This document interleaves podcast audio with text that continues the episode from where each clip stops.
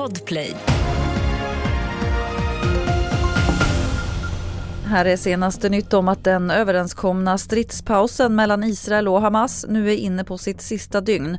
Båda parter sa igår att de kan tänka sig att förlänga den tillfälliga vapenvilan på vissa villkor. USAs president Joe Biden sa igår att målet är att förlänga pausen så att fler ur gisslan kan komma ut.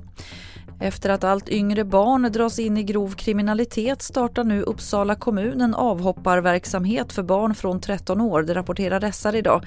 Den riktar sig till de som lever med en hotbild i kriminell miljö och programmet innebär att barnet flyttas till en familj i skyddat boende på annan ort. Till sist kan vi berätta att Livsmedelsverket vill ta hjälp av svampplockare och jägare för att ta prover för att mäta halten av det radioaktiva ämnet cesium-137. Det rapporterar Svensk Jakt. Ämnet kan finnas kvar efter kärnkraftsolyckan i Tjernobyl 1986 och nu vill man kolla hur mängden skiljer sig från tidigare år och mellan olika platser. Fler nyheter finns på tv4.se. Jag heter Lotta Wall.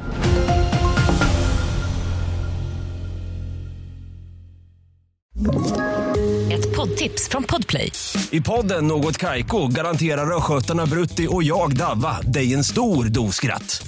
Där följer jag pladask för köttätandet igen. Man är lite som en jävla vampyr. Man har fått lite blodsmak och då måste man ha mer. Udda spaningar, fängslande anekdoter och en och annan arg rant. Jag måste ha mitt kaffe på morgonen för annars är jag ingen trevlig människa. Då är du ingen trevlig människa, punkt. Något Kaiko, hör du på Podplay. Därför är gardinerna.